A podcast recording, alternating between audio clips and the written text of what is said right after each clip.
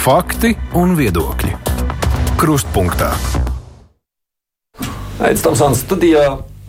Nu, sākoties karam Ukrainā, mums nācās pieņemt ļoti grūts lēmums. Viens no tiem bija atteikšanās no Krievijas gāzes.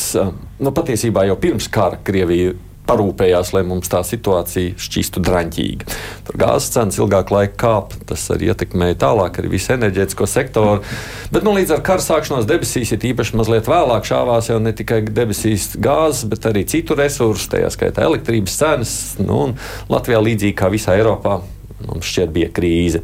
Steidzam arī tika meklēta alternatīva risinājuma, nu, un pastiprinātā uzmanības fokusā arī nonāca vēja parku izbūve.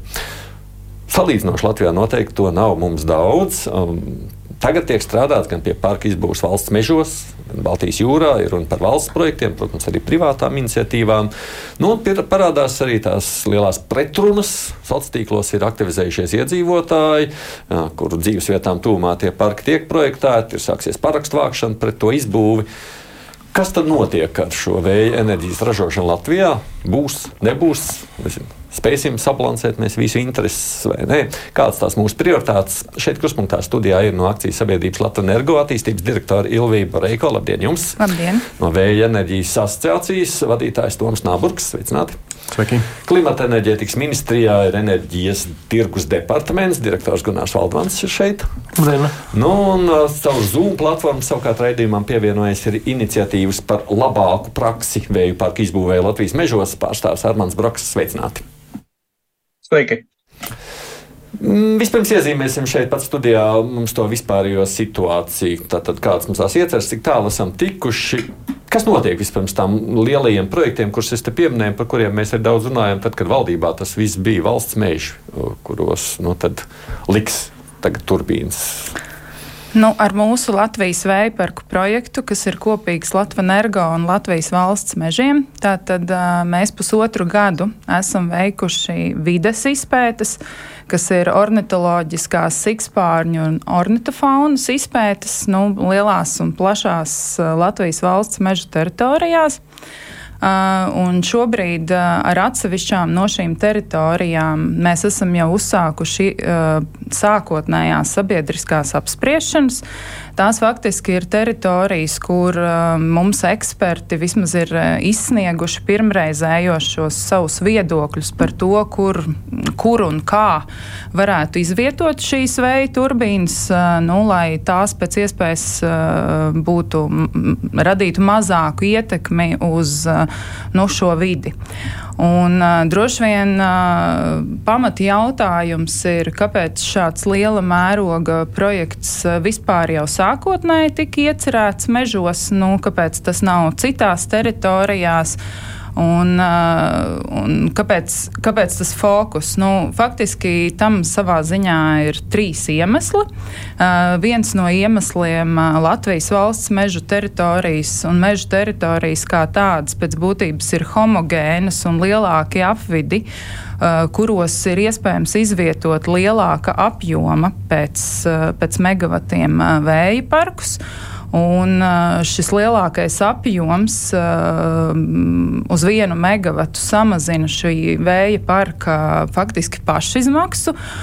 Mūsu mērķis kā valsts kapitāla sabiedrībai ir izveidot tādus vēja parkus, kuri faktiski radītu arī zemākas izmaksas nākotnē nu, šai elektroenerģijai, ko šie vēja parki radītu. Un, protams, kad zeme, kas pieder vienam īpašniekam, ir daudz vienkāršāk risināms jautājums no apbūstiesību viedokļa. Un, nu, lai, lai faktiski varētu šo projektu īstenot, tur nepastāv šķēršļi starp dažādiem īpašniekiem, kur pa vidu, piemēram, viens īpašnieks nepiekrīt, un kā rezultātā iecerē ir jāaizmirst, vai savukārt būtiski tiek palielināts apbūst tiesību maksas. Tas tā kā faktiski viens iemesls - lielas teritorijas. Otrs iemesls, zinot jau faktiski iepriekšējo vēja projektu tādu pieredzi ar sabiedrību sabiedrības šo negatīvo attieksmi pret vēja parkiem.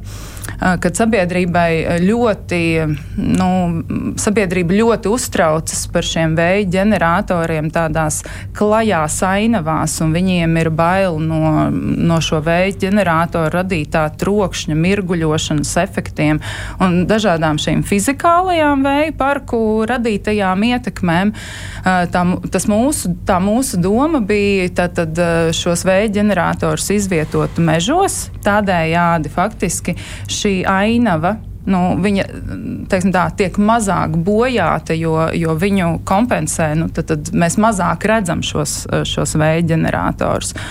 Un uh, trešā lieta, uh, faktiski viena no būtiskajām eksploatācijas laikā izmaksu sastāvdaļām vēja parkiem sastāv tieši apbūves tiesību maksa. Nu, Tātad zemes vērtība, jeb ja maksa, ko mēs maksājam par šo zemes izmantošanu, un izvietojot uh, vēja ģeneratorus tātad, uh, valsts meža zemēs, tā, tā mūsu sapratne bija, ka tātad valsts iegūst gan šo abūs tiesību maksu, gan arī visu peļņu no šiem ģeneratoriem, ko mēs kā valsts kapitāla sabiedrība spējam radīt. Uh, Pagājušajā gadā mēs uh, esam ieguvuši apbūves tiesības uz uh, šīm meža teritorijām, kuras mēs pētām. Faktiski šis gads būs tāds ļoti intensīvs gads, uh, kad kopā ar sabiedrību, kopā ar vides institūcijām, kopā tā skaitā ar aizsardzības ministriju mums būs jāatrod uh, nu, tās optimālās vietas Latvijā, kur mēs šos vēja ģeneratorus varam izvietot. Cik tādas apmēram varētu būt? Uh, mēs prognozējam, ka tie varētu būt no 120 līdz 125, nu, iespējams, maksimums 130 vēja ģeneratoriem. Ģeneratoriem. Tā kā un parki, cik no nu, tās vietas mm. Latvijā, cik tādas šobrīd, šobrīd tās ir astoņas lokācijas. Astoņas. Bet uzreiz varu teikt, ka nu, iespējams, ka uh, izpētes procesā būs uh, vietas, kad mums no kādām no lokācijām būs pilnībā jāatsakās. Kaut vai, piemēram, uh, aizsardzības ministrijas uh, nu, tā, veto dēļ, kur šie vēja ģeneratori varētu traucēt nu, mūsu drošībai. drošībai. Nu, labi, daži detaļas pēc tam. Kas notiek ar jūru? Varat Gunār izstāstīt, kā tas nu, situācija? Arī šeit varētu teikt, tas process norit šobrīd skaņošanas līmenī primāri. Nu, šeit ir vairāk iesaistītās puses. Burtiski nu, mēs esam arī, nu, kā saka, mums nonāca informācija, ja, kad Vides aizsardzības reģionālās attīstības ministrija ir noraidījusi tātad Pāvilostas iedzīvotāju nu, teiksim, sūdzību par šo iepriekšējo IVN procesu. Bet katrā ziņā, protams, ka šīs debatas vēl turpinās. Turpinās arī tāds nu, saka, ne tik ļoti varbūt, intensīvs, bet joprojām plānošanas darbs. Arī šeit, protams, tas primārais jautājums ir par saskaņošanu ar iesaistītiem pusēm. Arī šeit aizsardzības sektors tieši tāpat. Un papildus jūras, nu, jūras projektos to attīstību noteiks arī tas, cik lielā mērā būs pieejamas gan iekārtas, gan arī darba spēks, gan aprīkojums jau tuvākajos gados, jo tā tendence Eh, kas šobrīd ir vērojama, ka nu, faktiski pieprasījums pēc vēja enerģētikas eh, objektu attīstības globāli ir pietiekami augsts. Ja, eh, tā tad attiecīgi gan infrastruktūra, gan šie te, nu, ražošanas pasūtījumi ir zināmā mērā tātad, nu, ar rindas kārtībā veidojās. Tas arī viens no tiem būtiski izšķirošajiem jautājumiem. Katrā ziņā raugoties uz vēja, vēja enerģētikas attīstību tieši jūrā, nu šeit mēs runājam par krietni garāku, jau tādu ilgāku laiku nogriezni nekā tas ir Latvijas Tad vēja parku gadījumā. Saprast apmēram tiem laika šajā gadījumā, kad, kad, kad varētu ģeneratoru sākt ražot. Mūsu, pēc mūsu plāniem tātad 26. gads ir kad jau pirmās turbīnas mēs ceram sāks griezties. Nepilnīgi trīs gadi no šī Jā. brīža skatoties, un ja jūru runājam. Tas noteikti būs ilgāk. Raugoties uz faktu, gadi, nu tā nu, pieci, tas varētu būt tāds, teiksim, Ātrākais. es tā varbūt ar zināmu nu, konservatīvismu devu novērtēt, ka pieci varētu būt tas moments, kad tiešām jau ir uzsākusies būvniecība.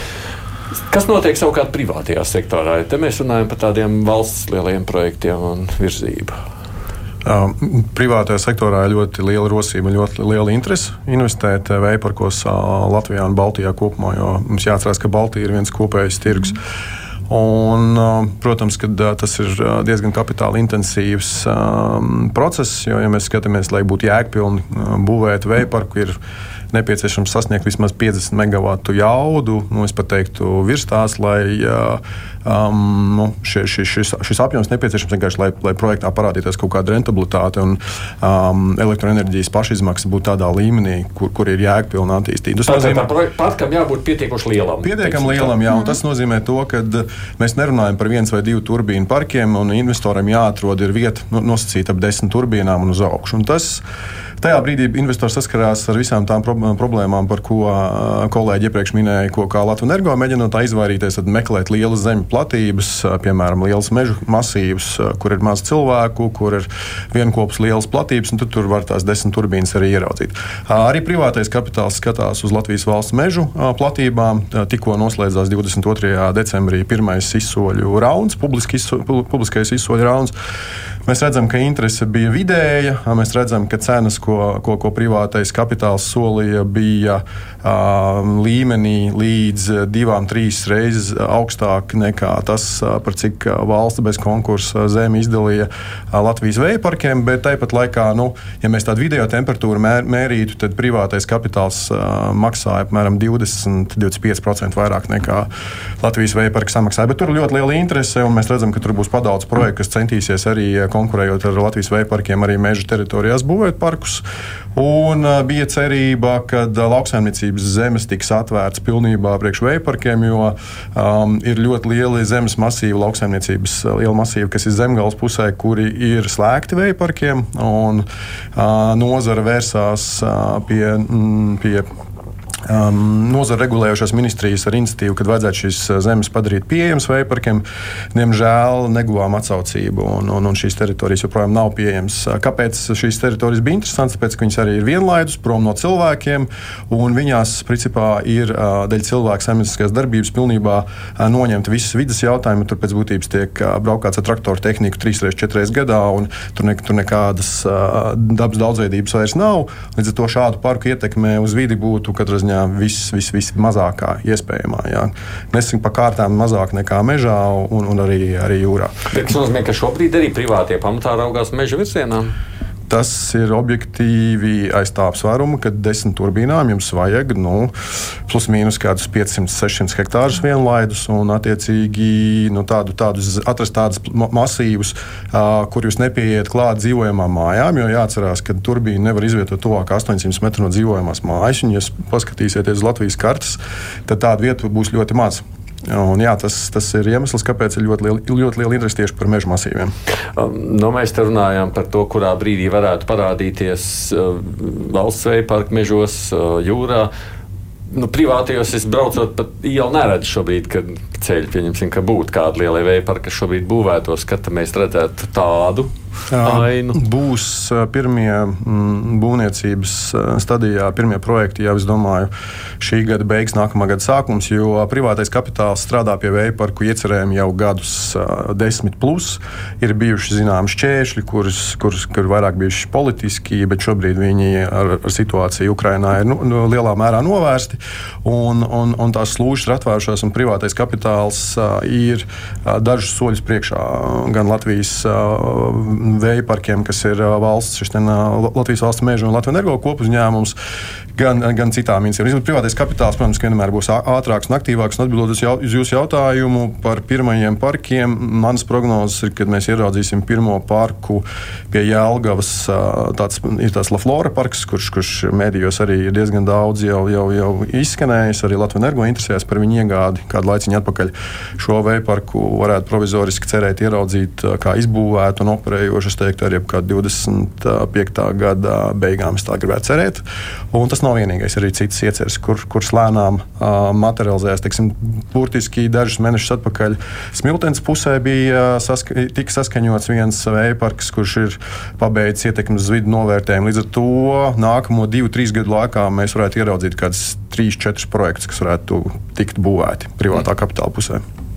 Nu, lūk, tāda aina mums šobrīd iezīmē cilvēki, kas darbojas ar vēja parkiem. Savukārt, manā sociālā tīkla uh, burbulī šad un tad parādās ļaužu aicinājumi protestēt. Un tajā brīdī, kad es pavēru arī pagājušajā nedēļā mana balss iniciatīvas, tur reiz divas vietas ieraudzīju, kur tiek vākti paraksti pret šiem te vēja parkiem. Vienas no iniciatīvām par labāku praksi vēja parku izbūvē Latvijas mežos jau es pieminēju. Armāns Broks mūs klausījies ļoti uzmanīgi. Armāns, jūs varat izstāstīt, kas ir tas, kas, uh, ko jūs gribat izdarīt šajā brīdī, vācot parakstus? Jā, sveicināti visi klātesošie. Tātad, jā, nu, mūsu šī iniciatīva galvenokārt uh, ir, ir tas, kas viņā arī ir minēts, ir par to, lai šī izbūve primāri nenotiktu mežu teritorijās. Uh, tas, kāpēc, teiksim, šī iniciatīva konkrēti, kas ir par Valmieras valkas parku, jā, tad, uh, tad šeit šī bažas bija aizvien lielāka, jo, jo tieši šī izvēlētā teritorija ir eh, bagāta ar, ar dabas daudzveidību, ja, un, eh, un, un šeit ir Eiropā nozīmīgas rubeņu riesta vietas, ja, un ja mēs paskatāmies eh, projektēto Latvijas vēja parki, vēja parku, ja, tad viņš tā smuki iežogo šo te rubeņu riesta vietu. Ja, un šeit nav tas, kad mēs būtu pret vai mēs, vai es, es, es e, būtu pret vēja enerģijas ražošanu, ja, jo e, es teiksim tā, nu, zinot arī kādreiz strādājot lauksaimniecības sfērā, es zinu, ka Latvijā ir, teiksim, 2,2 miljoni hektāri, no kuriem vismaz kaut kādi 300-400 tūkstoši pašreiz netiek izmantoti. Ja? Nu, te ir tas, ko minējāt iepriekš, ja, ka nu, lauksaimniecības zemēs nu, šīs stacijas varētu būvēt. Tātad šis te galvenais sākotnējais aicinājums ir, jā, nu tiešām aizdomāties un, un, un, un nebūvēt šīs te stacijas meža zemēs, kurās ir augsta bioloģiskā daudzveidība, jā. Jo es savā ziņā šo te zaļās enerģijas ražošanu gribētu saukt tā, ka, nu, ka to varētu pielīdzināt kā elektromobīlu lādēt ar dīzeļģeneratoru, jā, nu, respektīvi mēs taisam, nu, kaut ko zaļu, jā, bet, nu, tajā pašā laikā mēs nu, zāģējam nost, un šīs CO2 emisijas, pa kurām visi runāja, nu, ar vienu roku slaukam nost. Mm. Ko sakāt par šiem argumentiem, kā tādiem, Gunār? Nē, nu es eh, personīgi, protams, eh, atbalstu to ieceri, ka jebkurā gadījumā, tīpaši, ja mēs attīstam pēc jauna principu, tātad mežu zemēs, kas vēsturiski arī pasaulē nav tik izplatīta, tad šis process pilnīgi noteikti ir jāveic ar ļoti rūpīgu izvērtējumu, bet nu, vienlaikus ir jāapzinās, ka jebkurā gadījumā antropogēnā darbība, tātad jebkura uzņēmēja darbība vai saimnieciska aktivitāte vienmēr prasīs kaut kādus kon, um, kompromisus. Līdz ar to mēs noteikti negribētu atbalstīt pieeju, ka viss tiek tikai ierobežots mehāniski. Un ir jāvērtē tiešām arī iespējas, varbūt arī lokāli.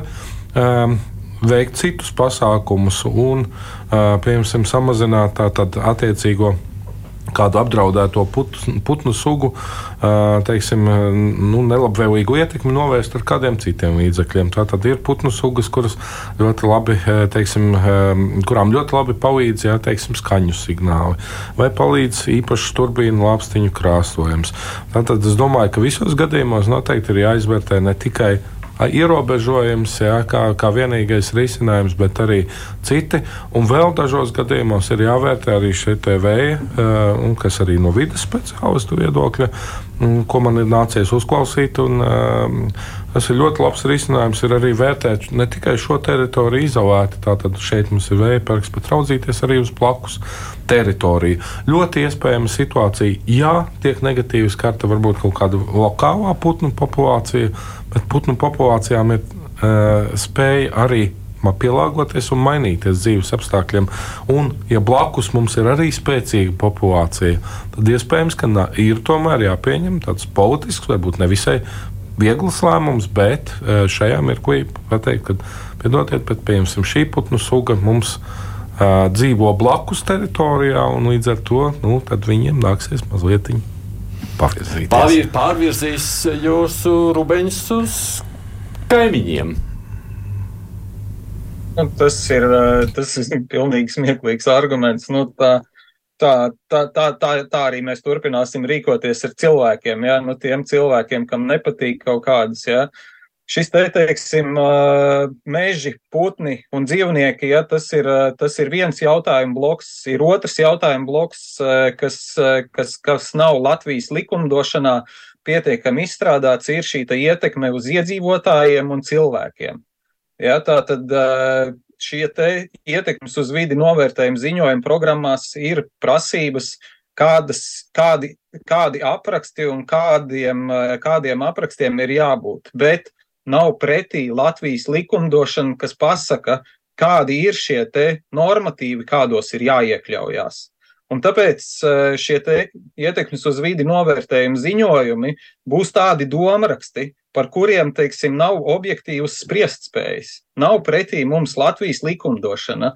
Un pašreiz ir tā, ka veidojās šie te vēja parki, ja, ar tādu savu, nu, kā varētu būt scenāriju, ja, bet nav mums pretī Latvijas likumdošana, kas pasaka, kādos rāmjos tad ir jābūt. Es jau nesaku, ka, teiksim, iedzīvotāji ir tie, kas, kas pasaka, ka šeit jā vai šeit nē te būtu jābūt kaut kādai arī Latvijas likumdošanai pretī, ja, kur gan iedzīvotāji skaidri zinātu šo te, šos te spēles noteikumus, gan arī uzņēmējs zinātu. Pašreiz, es domāju, Toms varētu uh, vairāk pastāstīt, ja, nu, kad uh, nu, šīs te interpretācijas paliek uh, starp, starp to, ko var, ko nevar, diezgan nu, tādas trausla tā robeža ir.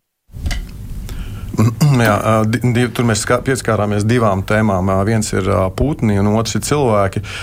Tomēr, pabeidzot par putniem, ir tā, ka man liekas, ka nav pamats uztraukties, jo ietekmes uz vidi novērtējums šo pavisam noteikti diezgan nopietni vērtē. Un es pats šobrīd arī esmu tādā procesā, kur man ir trīs vai četras vēja projekta ieceres, un ornitologi absolūti neatkarīgi, bezskaislīgi konstatē faktus, pavada kā minimums divas sezonas objektā, gan pavasarī, gan rudenī un novērtē. Un, mēs, katrā ziņā, mēs, mūsu asociācijā ir tikai tādi attīstītāji, kuri šo visu ņem vērā. Un, un, un, ja tur būs, kā jūs minējāt, teiksim, lielas kaut kādas noteikti putnu populācijas un ietekmes uz vidu novērtējumā laikā ornitologs to konstatēs, tad viņš arī attiecīgi vai nu neļaus, nesaskaņos tur izvietot, izvietot turbīnas, tur, kur viņas ietekmē šīs populācijas, vai arī būs kaut kādi kompensējošie mehānismi. Bet es domāju, primāri būs tas, ka vienkārši nu, neļaus tur likt. Tas, tas ir pavisam noteikti. Un tas ir likumdošanā jau paredzēts un, un par cilvēkiem. Pat bija kamera vēl pie tiem putniem, bet tas nozīmē,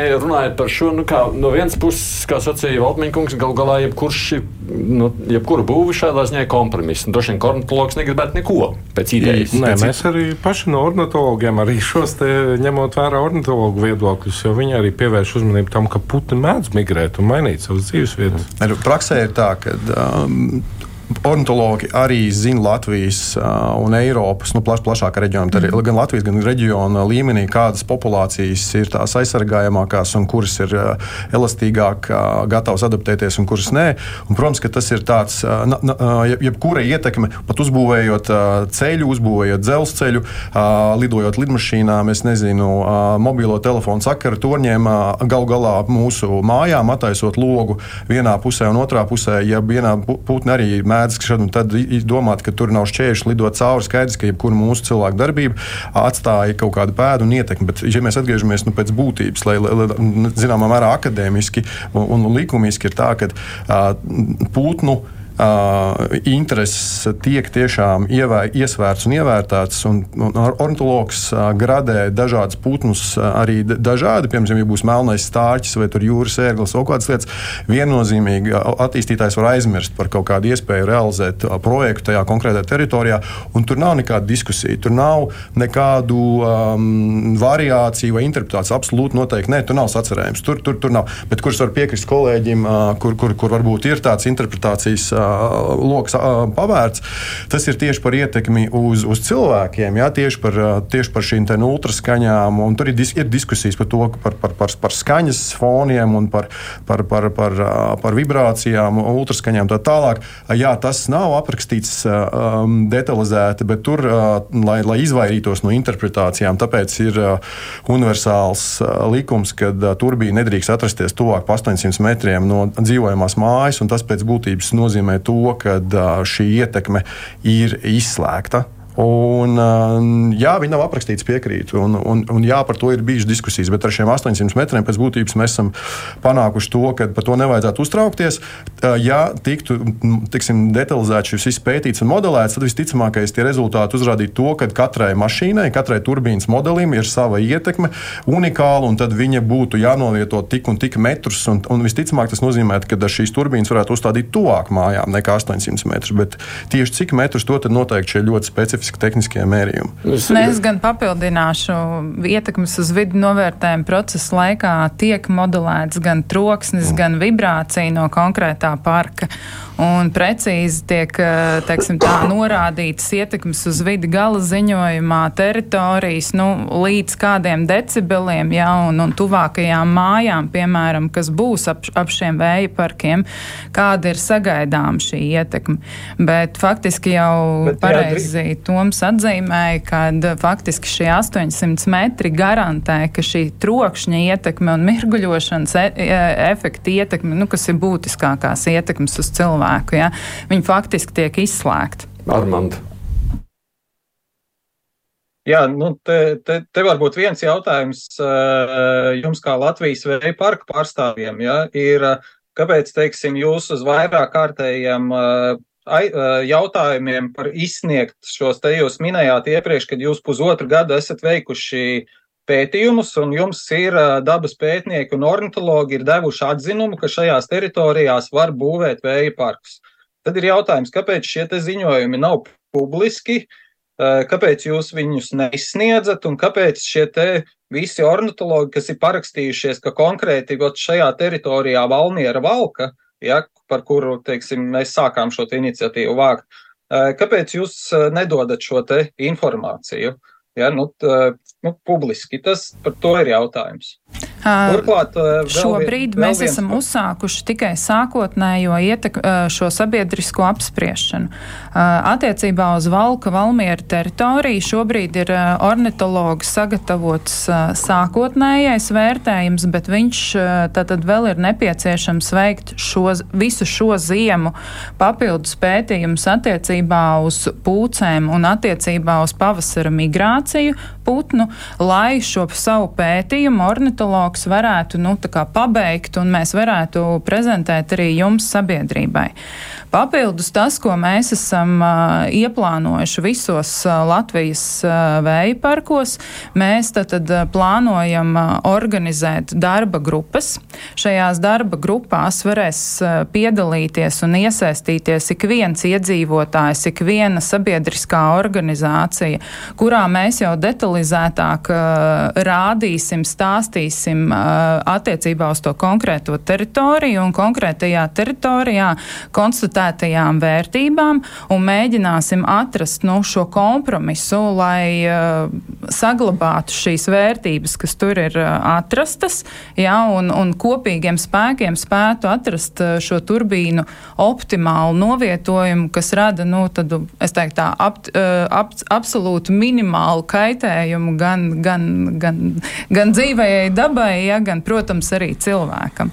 Tas ir tikai sākuma etaps, un uh, nav tā, ka mēs to slēpjam. Uh, mēs esam gatavi uz sadarbību, mēs esam gatavi uh, pieaicināt šos ornitologus, prezentēt sabiedrībai nu, šos konstatējumus, ko šie ornitologi bet jūs, ir bet jūs, bet jūs, bet jūs pašās, pa, Bet jūs pašā raidījuma sākumā teicāt, ka pirms jūs pieņēmāt lēmumu par to, ka jūs šajās te te meža teritorijās ierīkojat vēja stacijas, jūs veicāt izpēti un jūs saņēmāt ziņojumu par to, ka meža teritorijās šajās var būvēt vēja stacijas. Es runāju par šo, tas, kas notiek IVN procesā, tas ir, protams, nākamais solis, ja? tas būs cits jautājums, bet jūs minējāt pašā sarunas sākumā, ja mēs patīsim apakaļ ierakstu, tad jūs teicāt, Uz otru gadu jūs strādājat pie tā, lai jūs nonāktu pie lēmuma, kad Latvijas mežos šajās teritorijās ir jābūvē vēja elektrostacijas. Ko jūs ņemat tajā, nu, tajā brīdī, kad šie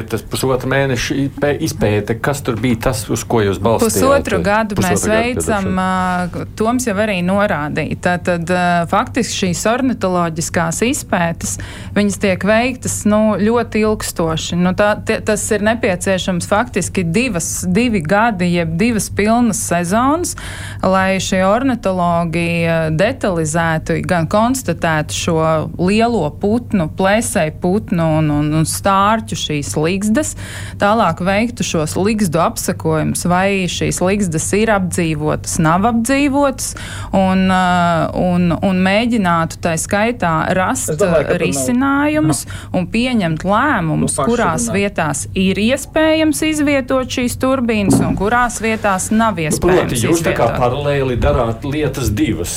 Kamēr notiek pētījumi, tikmēr uz kaut kādiem jau pirmiem pirmajiem datiem kaut ko jau virzat uz Tieši priekšu. tā, mēģinam, mēģinam samodelēt uz pirmajiem datiem pirmreizējošo turbīnu novietojumu. Un tas, kas ir šobrīd iesniegts ietekmes uz vidu novērtējumā, šis ir pirmreizējais turbīnu novietojums, kurš noteikti vēl mainīsies, iegūstot arvien jaunus un jaunus datus un, protams, kopā darba grupās mēģinot atrast šos labākos risinājumus turbīnu novietojumu. Turpināt šo sarunu, es tikai atgādinu. Jā, es tikai pakomentēšu. Nu, sakiet, Jārmant.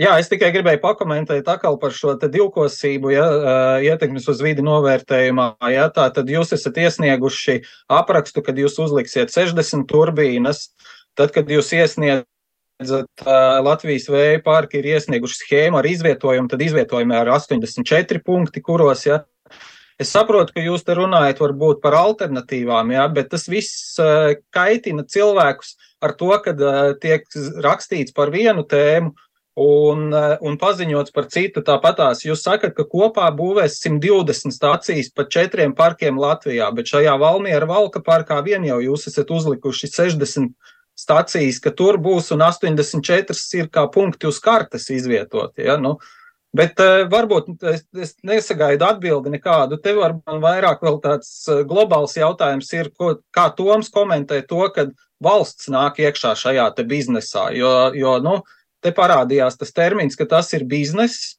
Ja, un, un es domāju, ka tomēr privātam sektoram parasti atstāja šo biznesu, ja, bet nu, val, valsts pašreiz nāk iekšā ar ļoti milzīgu šo projektu, ja, kas patiesībā nu, energo neatkarību uh, Ja, nu, man liekas, ka privātā sfēra spētu nosekt šo apjomu. Es eh, gan jau varbūt paspēsim ar šo atbildēt. Papriekš atgādināšu, mums studijā šeit ir Toms Nāburgs no Vēja enerģijas asociācijas, Silvija Bareiko no akcijas sabiedrības Latvijas Energo, no klimata enerģētikas ministrijas Gunārs Valdmans un, un savukārt eh, no iedzīvota iniciatīvas caur Zoom pieslēdzies ir Armans Broks. Raidījums Krustpunktā liekas, ka šī saruna līdz šim, gan jau mēs vēl par detaļām, cik paspēsim pieskarsimies, rāda lūk to. Nu, tādu, tādu emocionālo pretstāvu visam no iedzīvotāju puses šādiem lieliem projektiem. Un šis nav pirmais gads, vai ne? Mēs to esam redzējuši jau daudzu gadu garumā, arī mm. iepriekšējā situācijā. Jūs nu, redzat šai kaut kādu vispār iespēju to pretstāvi nu, nezinu, atrisināt? Nu, manuprāt, jā, jo šobrīd, ja mēs paskatāmies uz to procesu un salīdzinām ar to, kā vēsturiski ir notikusi vispār dažādu rūpnieciskā sektora objektu, tā skaitā arī enerģētikas objektu attīstība, tad mēs esam, mūsuprāt, tieši mūsu desmitgadē jau diezgan pietiekami unikālā situācijā, ka šie ietekmes uz vidi novērtējumi un iedzīvotāju viedoklis tiek uzklausīts tik varbūt eh, padziļināti un rūpīgi, kā tas nav bijis vēsturiski nekad. Līdz ar to, jā, tas ir eh, iespējams kaut kas mums ar to jāsadzīvo, bet tajā pašā laikā nu, tas ir dialoga jautājums tieši tāpat kā arī pirms varbūt eh, kara attiecīgi, kā jau arī kolēģi minēja, ja, pirms kara mums bija viena varbūt sabiedrības attieksme, pēc kara zināmā mērā um, sabiedrība ir gatava pārskatīt, um, bet ja raugāmies tīri no tehnoloģiskā viedokļa, tad šobrīd tādu īstu tiešu alternatīvu uh, vēja enerģētikai nu, laikam mums nav, un uh, sabiedrībai jārēķinās, ka Jebkurā gadījumā tas būs viens no nozīmīgākajiem avotiem mums nākamajās desmitgadēs energoapgādē. Um, tad būs politiskās izšķiršanās jautājums, vai teorētiski mēs varam to uzlikt kaimiņiem, ražot. Ja? Nu, Tātad kaimiņi apbūvē šīs teritorijas, un mēs kā importētāju lietosim, vai arī tomēr ražosim paši. No, atceramies, kā beidzās Padomju Savienības beigās viss stāsts par Daugavas kas, uh, kas, kas, kaskādi pie Daugavpils, kur beig beigās gan izvērst vēl atmoda mums tautas fronts kustība. Beig beigās to aizvelk no ļaužu masas ir ietekmīgas. Mēs nevaram viņus pilnībā ignorēt. Tieši tāpēc arī, saku, tieši tāpēc es saku, ka tik padziļināts teiksim, process, jā, kur sabiedriskās apspriešanas un šīs diskusijas un iniciatīvas, tas nav bijis nekad. Tas nozīmē, ka tiešām ar sabiedrību šajā mirklī mums ir ļoti skaidrs signāls, ka ir jārunā, ir jāskaidro, ir jāpiedāvā dažādas alternatīvas, ir jāpiedāvā, jābūt gataviem atteikties no kaut kā. Bet šajā gadījumā vēja enerģētikas priekšrocība tomēr ir tā, ka tiešām hidroelektrostaciju mēs varam uzbūvēt tiešām ļoti ierobežotā skaitā vietu. Attiecīgi nevaram izmukt, nevaram pārcelt, nevaram sadalīt atsevišķos moduļos vai pārcelt bet, vienu bet, moduli kaut kur citur mazliet. Šeit mēs vēja enerģētikas gadījumā mums tiešām ir stipri plašāks lauks un daudz labāks potenciāls atrast arī to teiksim, kompromisu. Jā, Armand, mazliet pagaidiet, jūs varbūt arī paspēsiet, jūs jau esat jautājumus arī uzdevuši citiem dalībniekiem. Vienkārši šis jautājums par ļaužu noskaņojumu un attieksmi ir būtisks. Es arī tad, piemēram, šajā brīdī, kad lasu vai ne, uh, ko cilvēki raksta, kāpēc vispār jābūvē mežos, jābūvē, jābojā vidas rekreācijai, raksta Austras raids, raksta nožēlojumi ļautiņi, tikai dolāru zīmes gar acīm redz. Nu, proti, tas ļaužu noskaņojums, ar ko jūs nevarat nerēķināties tajā brīdī, kad būvēt vienalga vai privāts vai valsts. Ko jūs ar šo nu, kaut kā taču jums ir jāatcerās? Jā, protams, ka mums ir jābūt dialogam, atbildot par to dolāriem acu priekšā un tādu vien, vienpusēju skatu. Problēma sākās tad, kad kāds ieņem kaut kādu tādu kard, nu, teksim, nu, kardinālu pozīciju, kur totāli nē vai totāli jā. Dialogā parasti dzimst kaut kādi kompromisi, un arī šeit ir jānotiek dialogam ar sabiedrību, un kompromisam jādzimst. Es gribu pateikt, ka lēta elektroenerģija tīra elektroenerģija un droša elektroenerģija, ka tā ir tepat pie mums, un mēs neesam no viena atkarība, tās ir visas mūsu, inter, visu mūsu interesēs, visas sabiedrības interesēs, interesēs, interesēs arī tie, kas to šobrīd varbūt nesaprot, jo no, sabiedrība un viss, vis, vispār visi procesi mēs virzamies elektrifikācijas tādā globālā virzienā, ka transports elektrificējās, viss elektrificējās un lēta zaļa elektroenerģija, kura ir saprotama un mēs neesam atkarīgi no tā, vai mums viņa kāds piegādās vai nē. Tas ir viss mūsu intereses, visu šeit klātesošo intereses, arī, arī komentāru rakstītāju intereses un arī dabas draugu intereses jā, un, un, un aktīvistu intereses. Tas ir, tas ir nenoliedzami. Un līdz ar to mums, kā sabiedrībai, kā Latvijā dzīvojušiem cilvēkiem, ir tad, dialogā dialogā jānonāk pie risinājuma, kā tas var līdzpastāvēt, sabalansējot visu intereses. Un, un tas var notikt, protams, tikai dialogā. Un, ja, ja kāds un, ja neizdodas šajā dialogā, nonāk... ne, dia, nu, dialogā ir jānot. Neviena, neviena interese nevar stāvēt pāri. Uh, ir, ir jābūt tā, ka ir jābūt dialogā, jānonāk līdz kaut kam, kur sabalansējot pušu intereses, tomēr risinājums tiek atrasts. Man liekas, mēs dialogā ļoti daudz vēja parks neesam uzbūvējuši arī līdz šīm skatāmies. Mums ir vesela virkne rūpnīcas, kuras mēs tur sākot no celos rūpnīcas un vispār jau esam dialogā izdarījuši. Tas nav bijis dialogs, tas ir bijis. Dialogs bija garš, tikai rezultāts nesenāca. Ne, tas nozīmē, ka kādas grupas intereses neproporcionāli prevalēja pārī citām interesēm. Pateikt, ka mums nevajag celulozes rūpnīcu Daugavas upē, lai gan Somijā, Zviedrijā, kas ir vislielākie dabas draugi, un viņiem daba un, un, un vidas tīrība ir numur viens vai viens no, viena no top vērtībām vispār sabiedrībai, kā tādai skandināvu sabiedrībai. Bet viņi gan, vē, gan, mež, gan mežos būvē vēja parkus, gan celulozes rūpnīcas būvē. Tas viss saprātīgā balansā, uh, diskusijā ir jānonāk līdz rezultātam, kas, kas, kas, kas, kas strādā vairāk vai mazāk visiem. Jā, varbūt visi nebūs super laimīgi, bet uh, līdz sabalansētam risinājumam jānāk. Arī tas pats attiecas arī uz vējparkiem.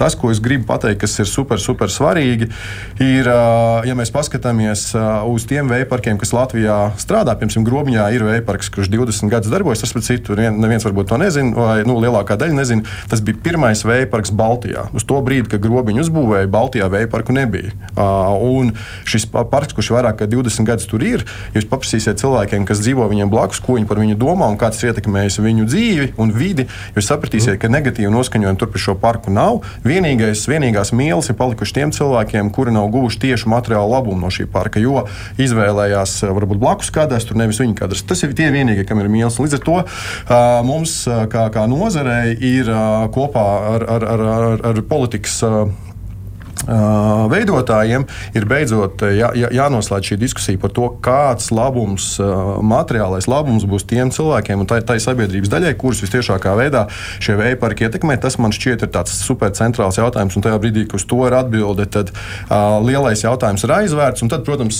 šis uh, balanss ar vidas interesēm un, un, un, un ar, ar, ar, ar šīm interešu grupām, nu, tas arī jāatrod. Bet centrālais jautājums ir tieši materiālā ieinteresētība un kā novadīt naudu naudu līdz konkrētiem cilvēkiem, kurus projekts ietekmēs. Un tas, kas šobrīd nedaudz um, dara bažīgus nozari, ir tas, ka uh, pašvaldību savienība uh, šo visu procesu virza nepareizās sliedēs. Proti, viņi uzskata, ka tam ir jābūt kaut kādam nodoklim, kuru viņi administrēs.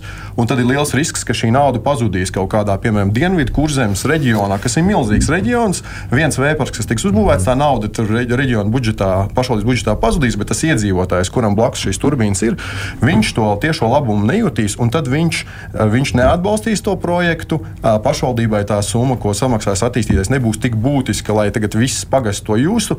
Tad mēs gan būsim lielā problēmā, ja mēs neatrisināsim, neatrisinās, nepārcītīsim šo mēslu ar to, ka lokālie cilvēki nav saņēmuši atbildi, kas man no tā ir. Jā, tur tas jautājums, kas cilvēkiem jāsaprot, kāpēc viņiem ir vērts kaut kādam kompromisam doties uz šai idejai nonākt. Jā, teikt. nu man ir ļoti labs piemērs no vienas zemgājas novada, kur arī sanāca tikties ar iedzīvotājiem un vietējiem uzņēmējiem. Man tika uzdots tieši ļoti tiešs jautājums, vai mūsu novadā arī tiks attīstīts kāds vēja parks.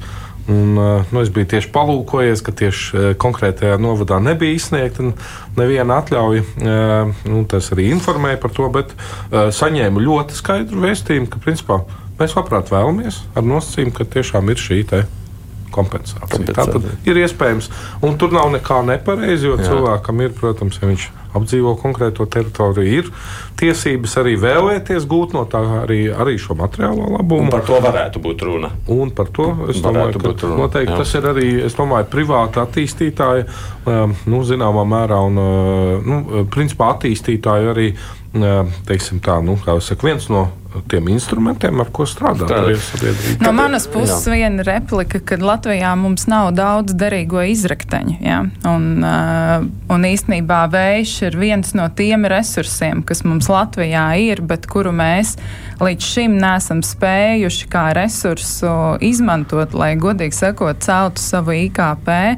Un uh, nebūtu mums visu laiku televīzijā jā, jāskatās, kā mēs esam aiz Lietuvas un Igaunijas, kuri ir ļoti līdzīgā situācijā kā mēs, bet kuri spēj šajā sabiedrībā tomēr pieņemt uh, šos sabalansētos lēmumus. Bet šeit droši vien jo, piemēram, tas ļaužu sacītais, viņam tas valsts IKP ir pārāk tālu. Viņš saka, lēdz, mums taču ir lētāk Heiss Latvenergo, bet pērkam jau vienalga par tiem saviem 11 eiro. Beig beigās Latvenergo jau pelna no tā, nevis mums ir kāds labums. Bet nesot šeit uz vietas ģenerācijai un ģenerācijai, kur ir lielāka par patēriņu, mēs nekad nebūs, nekad neradīsies šī lētā enerģija. Un ja šeit mums Latvijā nebūs lēta enerģija, mums arī ir jāaizmirst par, par jaunu ražošanas jaudu šeit ienākšanu, jo eh, visiem ražotājiem, eh, it īpaši energoietilpīgiem, viņiem ir vajadzīga lēta enerģija. Un padomājam no šā viedokļa. Ja mēs šeit spēsim radīt šo lēto enerģiju, ienāks pie mums arī iespējams datu centri un ražotnes, mums būs darba vietas. Mēs attiecīgi spēsim, reģionu, reģioni paliks nevis tukši, un cilvēki no tiem reģioniem aizbrauks projām nezinu, uz Angliju, uz Vāciju un kur, kur vēl ne. Ja? Mēs spēsim šeit radīt darba vietas, un, godīgi sakot, tikai šādā veidā mēs spēsim ilglaicīgi kā valsts arī attīstīties. Armān, tas, ko saka šeit studijas viesi, mums jau to elektrību vajag. Nu, mēs saražojam pārāk maz, mums vajag, nu, patīk vai nē, putni vai nē, bet mēs jau patērējam. Jums arī tur lampiņu fonā stāv. Nu, jums arī vajag to elektroenerģiju, vai ne? Jā, šo elektroenerģiju vajag, un, un, un, un tieši jautājums arī ir iegājis tajā gultnē, ko es visu laiku esmu gribējis pavaicāt. Pirms tam ir par kādu termiņu mēs runājam. Jo tad, kad mēs paskatāmies Latvijas valsts meža nomas līgumu izsolēs tagad piedāvātos īpašumus, nomas līgums ir uz 30 gadiem. Pēc 25 gadiem teritorija ir jānodod tādā pašā stāvoklī, kādā viņa tika saņemta. Tātad tas nozīmē, ka uh, pēc 25 gadiem energo neatkarība mums uh, vairs nav aktuāls jautājums. Uh, nu, Man par šo jūs, jūs tā kā raizējaties, jūs raizējaties par to, ka viņi nepārāk ilgtermiņā domā? Jā, tieši tā. Nu, te ir tas, teiksim, ministrijai jautājums, ja, nu, vai, vai viņi arī uz šo te, nu, skatās, jo, jo visiem pavaicājot, teiksim, arī vaicājot arī pašiem šiem projektu attīstītājiem, viņi visi teikuši, ka uh, vēja turbīnas mūžs 25 gadi. Ja? Pēc tam vai nu viņas remontē, vai demontē, vai, vai, vai, vai nu, pārbūvē. Ja?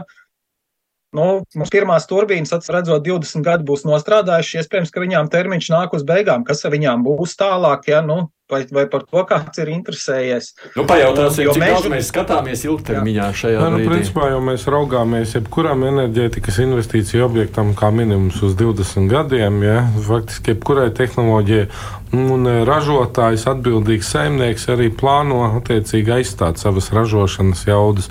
Visticamāk, tas notiks arī šajā gadījumā. Es domāju, ka tur bija novāks otrs būvēs vietā. Jā, jā, tas varētu būt viens no risinājumiem, bet ja mēs runājam par tādām tipu turbīnām, kā mēs nu, plānojam šajos projektos, nu, jāpievērš uzmanība, ka tāda tādas klases, tādu jaudu turbīnas nu, šobrīd pasaulē vēl nav nekur sasniegušas savas dzīves cikla beigas.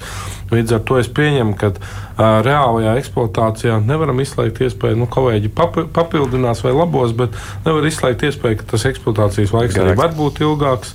Bet kāpēc, un, kāpēc tad tie pieminētie 30 gadi? Uh, šobrīd šis ir ierobežojums, ko nosaka normatīvie akti, ka būs tiesību līgumi nedrīkst būt garāk par šiem 30 gadiem. Uh, arī Latvijas energo virzīja iniciatīvu, lai būtu iespēja enerģētikas objektiem abūs tiesību līgumus slēgt uz Garāk, 70 gadu periodu. Jā, pēc mūsu pieredzes un, un konsultācijām Somijā šis periods ir 50 gadi ar iespēju pagarināt šo, šo abūs tiesību periodu. Un tā nu gluži nav, ka Latvijas valsts mežu šajā abūs tiesību līgumā ir tikai 30 gadi. Tas nosacījums ir 30 gadi, ja vien normatīvais akts nu, nenosaka citu regulējumu. Tā kā nu, droši vien, ka likumdevējiem būs, būs jāskatās šis jautājums, jo realitātē šīs jaunās turbīnas vismaz pēc ražotāja sniegtās informācijas jau šobrīd viņi garantē šos nu, no uzstādīšanas brīža, šos 30 gadu kalpošanas laiku. Un jāsaka, mums pašiem Latvijas energo varbūt jūs zinat, Ainažos arī ir divas turbīnas, un, un, un šīs turbīnas 95. gadā uzstādot, jā, mēs esam jau vienreiz atjaunojuši. Tātad pati turbīna, turbīnas masts paliek tur, kur viņš ir. Tiek nomainīts ģenerators un atjaunoti spārni. Un šādā veidā ar vairākiem cikliem šajā konkrētajā vietā mēs varam turpināt nu, tālāk ražot un ražot. Ja. Tā kā tas nav, jo jā. infrastruktūra ir izbūvēta, kabeļi ir iebūvēti, kabeļu un apakšstacija kalpošanas laiki ir arī vismaz 50 gadi. Tā kā, tā kā ja sabiedrībai ir raizes, ka pēc 30 gadiem tur paliks nu, tādi rēgi, tad nu, es droši varu teikt, ka rēgi tur noteikti nepaliks, tiks rastas jaunas tehnoloģijas un, un, un šī infrastruktūra nu, tā, piedzīvos otro un iespējams pat trešo ciklu. Es... Jā, likumdošanas izmaiņas jau jūs mākat darīt, jo aizsargjoslas ap vēja elektrostācijām 2022. gadā tika izņemtas no likuma. Ja, tā tad mums vairs nav tāda termina kā aizsargjoslas ap vēja elektrostacijām. Nu, jā. Tas, ko jūs sakāt, man vienkārši, redz, es arī neies, neiebraukšu šodien tajā diskusijā, ko mums mazliet izprovocēja, bet, nu, kas ir mazliet cits stāsts - privātais un valsts. Tas ir viens atsevišķs diskusijas sarunas. Protams, tur tas viss stāsts sākās līdz ar karu sākšanos, kāpēc visi tie lēmumi tādā veidā tika pieņemti, kā tika pieņemti. Bet visa šī saruna man likās interesanta no viena aspekta. Vai tas, kā mēs kādā brīdī iesākām, un es tāpēc pieminēju ne tikai celos fabriku vai Heskas kādu, mums ir virkni projekti, kuri nu, ar lielu tādu apņēmību. Nu, celos projekts viens no tiem, ko es ļoti labi atceros. Nu, tas bija tādā valsts līmenī virzīts, bet kas apstājās tieši tāpēc, ka beig beigās ļaužu pretestība ir pārāk liela. Jūs esat tiešām pārliecināti, ka šis neapstāsies. Armanda enerģija vien rāda to, ka tas nebūs tik vienkārši. Es domāju, ka ir jāmeklē kompromiss. Tas, kur mēs droši vien primāri šobrīd mēģināsim saprast un rast kompromisu, tā ir aizsardzības ministrija. Jo šobrīd aizsardzības ministrija nu, būs teritorijas Latvijā, kur absolūti noteikti drošības interesēs tiks noteikts absolūts veto. Tātad šīs teritorijās visdrīzāk nu, nekādu vēja ģeneratoru nebūs. Tad mums faktiski šis darbs būtu nu, ļoti svarīgi saprast, kuras ir šīs teritorijas, kurās aizsardzības ministrija nu, ne ar kādiem kompensējošiem mm. pasākumiem neļaus izbūvēt. Ar, aizsardzības ministrija pirmajā vietā, Armāns otrajā. Jā, Armans? nu, un, un otrs, protams, ir tālāk jau tās teritorijas, kas paliek, nu, te, tajās ir jāatrod kopā ar vidas cilvēkiem nu, teritorijas, kurās ir vismazākais iespējamais kaitējums. Nu, man šis, protams, interesē, kā virzīsies. Man te gan ļaudis vairāk iepriekš zvanīja par jūru. Viņiem nepatika, ka tur tālumā vienalga kaut kas būs, redzams, skats bojās, nu, un jūra tieši tāpat neapstāsies.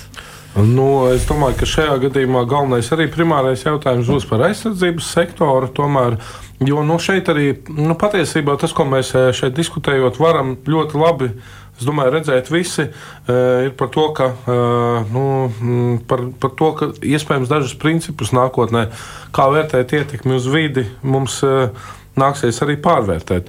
Jo jautājums, vai ir proporcionāli un samērīgi, ka viens zemes īpašnieks vēlas kontrolēt visu ainavu, pieņemsim, 20 km attālumā, tas ir mazliet, teiksim, tā, es pieņemu, ka nu, būtiskai daļai sabiedrības arī pret šādu vēlmu var būt iebildumi pietiekami. Un, um, nu, teiksim, tad, uh, tas ir jautājums par to viena īpašnieka un vienu interesu samērīgumu, sabalansēšanu ar citām interesēm. Nu, šis ir tas vienā grūtais jautājums. Es jau, protams, arī viedokļu dažādību redzu. No, nu, privātie jau visu laiku meklē kaut kādu balansu līdz šim. Jūs arī cerat uz lielāku valsts atbalstu tādā ziņā, ka varētu mazāk ņemt vērā iedzīvotāju viedokli. Ne, iedzīvotāju viedoklis ir jāņem vērā, mm -hmm. bet jābūt arī balansam. Un, uh, tas, kas parasti notiek, kad ja ar kādu sāk runāt par ļoti konkrētām lietām, kad uh, tiek pāri emocijām un sāk runāt ļoti konkrēti, kas tieši jūs uztrauc, kas, kas ir tas, par ko ir diskusija. Tad diskusijas laikā bieži vien tiek sniegts atbildes, un, un, un, un otrā pusē cilvēki uh, akceptē. Jo pretējā gadījumā mēs neredzētu tik daudz turbīnu tajā pašā Skandināvijā, pretējā gadījumā mēs neredzētu, ka Lietuvā, kas ir pēc teritorijas tikpat liela kā Latvija, ir uz doto brīdi piecreiz vairāk turbīnu izvietotas. Nu, nav tā, ka lietuvieši vai zviedri vai dāņi vai vācieši ir savādāk par mums. Tur ir tādi paši sākotnēji aizspriedumi, diskusijas un kompromisi un, un pragmatiski pieeja. Nu, mums sola sarunas. Nu, es jau līdz ar to paredzu, ņemot vērā, un es liekas, dzirdēju arī jūsu pusē, tur pie valks puses būs tās sarunas. Tur jau, man liekas, es pat redzēju Facebook aicinājumu nākt uz tikšanos. Tā kā nu, meklējiet kompromisu tā, lai elektrībā mums ir lampiņas degtu, bet arī pie reizes putniem nebūtu jāpamet Latviju un iedzīvotājiem tajā skaitā. Toms Nāburgs ir vēja enerģijas asociācijas vadītājs. Ilvija Borēko akcijas sabiedrībā Latvijas energo ir attīstības direktora Gunārs Valdmans no klimata enerģētikas ministrijas, enerģijas tirgus departamenta direktors, nu, un Armāns Broks bija pieslēdzies no iniciatīvas par labāku praksi vēju parku izbūvēja Latvijas mežos. Paldies jums par sarunu šajā nu, tik tālu esošajā situācijā. Rīt šeit kruspunktā studijā būs uh, amatu pametošā valsts ieņēmuma dienas ģenerāldirektora Ieva Jaunzeme nu, par to, kas tad izdarīts, kā vērtē viņa ieceres, kāds tālāk ir vidā. Nu, kā zināms, par vidi arī ir gulusies savu aizdomēnu, dažādu aizdomēnu, par to tad visiem būs rīt iespēja katram uzdot savus jautājumus vidu vadītājai. Mēs vēl tiekamies ar klausītājiem šodien raidījumā divas pušlodes, kas veltīts ir pasaules notikumiem. Nu, zināmā mērā palūkosimies, ko tad mēs varam sagaidīt šajā gadā starptautiskajā starptautiskajā arēnā. Ir tādi vairāki būtiski notikumi, kurus mēs varam prognozēt. Nu, arī zinām uzmanību veltīsim tuviem austrumiem, kur karš Izrēlā ir paņēmis lielu daļu no pasaules uzmanības. Protams, Ukraina ar visiem trakajiem situācijām, kur arī jāpiemina. Latvijas raidījā viens ētrā tas ir pēc stundas. Bet kruspunktā gan šodien izskan producēja to Sarmītu Kolātu un savukārt studijā sarunvadījies Aidis Tomsons.